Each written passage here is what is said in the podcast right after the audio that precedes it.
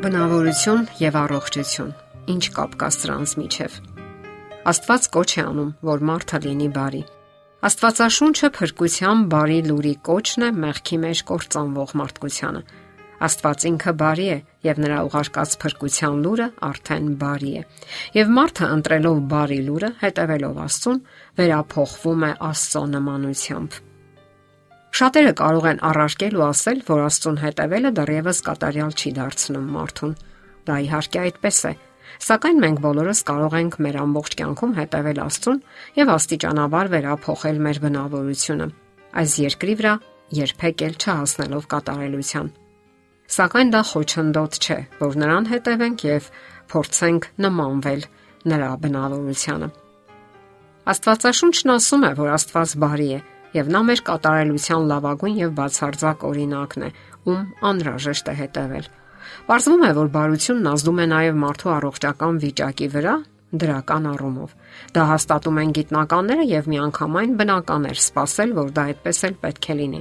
Պատահական չէ, որ մենք ակամայից մտածում ենք, որ չար ներքին հիմնախնդիրներ ունեցող մարդիկ պետք է հիվանդությունների մի ամբողջ ծաղկեփուն շալակեն, եւ գիտնականներն իրենք էլ ապացուցում են, որ բնավորության որոշ գծեր իսկապես կարող են ազդել մեր առողջության վրա։ Հարվարդի համալսարանի գիտնականները նկատել են, որ բնավորության այնպիսի գծեր, ինչպիսիք են բարեխղճությունը, գիտակցականությունը, ազնվությունն ու անկաշառությունը, ազդում են հասուն մարդկանց ֆիզիկական ու հոգեբանական առողջության վրա։ Գիտնականների համոզմունքով դրանք այն մարդիկ են, ովքեր ձգտում են օգուտ տալ մարդկությանը։ Համալսարանի կազմակերպած ուսումնասիրությանը մասնակցել են 9831 ամերիկացիներ, որոնց միջին տարիքը եղել է 65։ Գիտնականները նշում են, որ գոյություն ունեն համոզիչ ապացույցներ այն մասին, որ բարեխիղճ լինելն օգնում է ավելի երկար ապրելուն։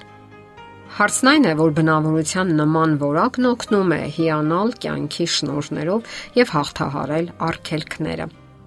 Բժիշկներն իրենց հերթին վստահ են, որ բնավորության այդ գիծը թույլ է տալիս այցելուներին հաղթահարել քրոնիկական ցավը եւ բարձրացնել կյանքի որակը, եթե նրանց մոտ արկա է ցրված սկլերոզ կամ սիրտանոթային համակարգի հիվանդություններ։ Այդ նույն արդյունքն է դիտվում հաշմանդամփ մարդկանց մոտ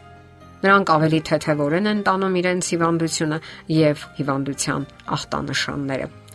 բարեխիղճ եւ գիտակից մարդիկ նաեւ ավելի հազվադեպ են հիվանդանում արյան բարձր ճնշմամբ, մարմնի չափազանց մեծ քաշով կամ քաշի անբավարարությամբ։ Նրանց մոտ ավելի հազվադեպ է հանդիպում դեմենցիա եւ Alzheimer-ի հիվանդությունը ավելի քիչ են թոքերի հիվանդությունների դեպքերը, սրտի իշեմիկ հիվանդության, դիաբետի, ինսուլտի ու արթրիտի դեպքերը։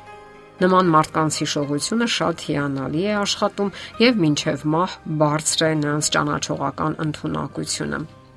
Ասենք որ ազնիվ մարդկանց մոտ դեպրեսիա քիչ է նկատվում, հազվադեպ է նկատվում։ Գիտնականները համոզվել են, որ այն հասուն մարդիկ, որ ձգտում են լինել ազնիվ, հազվադեպ են բախվում դեպրեսիայի եւ նրանց մոտ ավելի քիչ են դիտվում ճանաչողական բնույթի խախտումներ։ Նման մարդկանց մոտ ավելի բարձր է իմունիտետը եւ ընդհանուր առմամբ ավելի քիչ սահմանափակումներ ունեն ամենօրյա գործունեության հետ կապված աշխատանքի եւ սպորտի որոշակի տեսակների հետ կապված։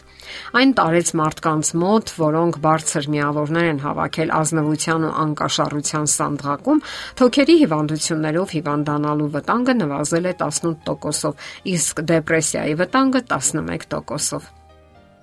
Այստեղ հարկավոր է ուշադրություն դարձնել այս ամենի մեկ այլ կողմին։ Աստվածաշունչը նշում է, որ բարի մարդիկ նույնպես կարող են վտանգների մեջ հայտնվել Իրենց չեն հասկանա, կնվաստացնեն, կհամարեն թույլ կամ անպաշտպան։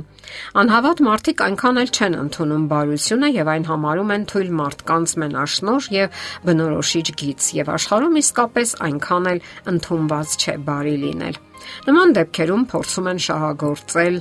բարի մարդկանց, օգտվել նրանց բնավորության այսպես կոչված թուլությունից, նրանց առատաձեռնությունից, ներողամտությունից, սակայն դա երբեք չպետք է խոչընդոտի, որ մենք հետևենք Աստծո սահմանած բարության եւ բարոյականության չափանիշներին։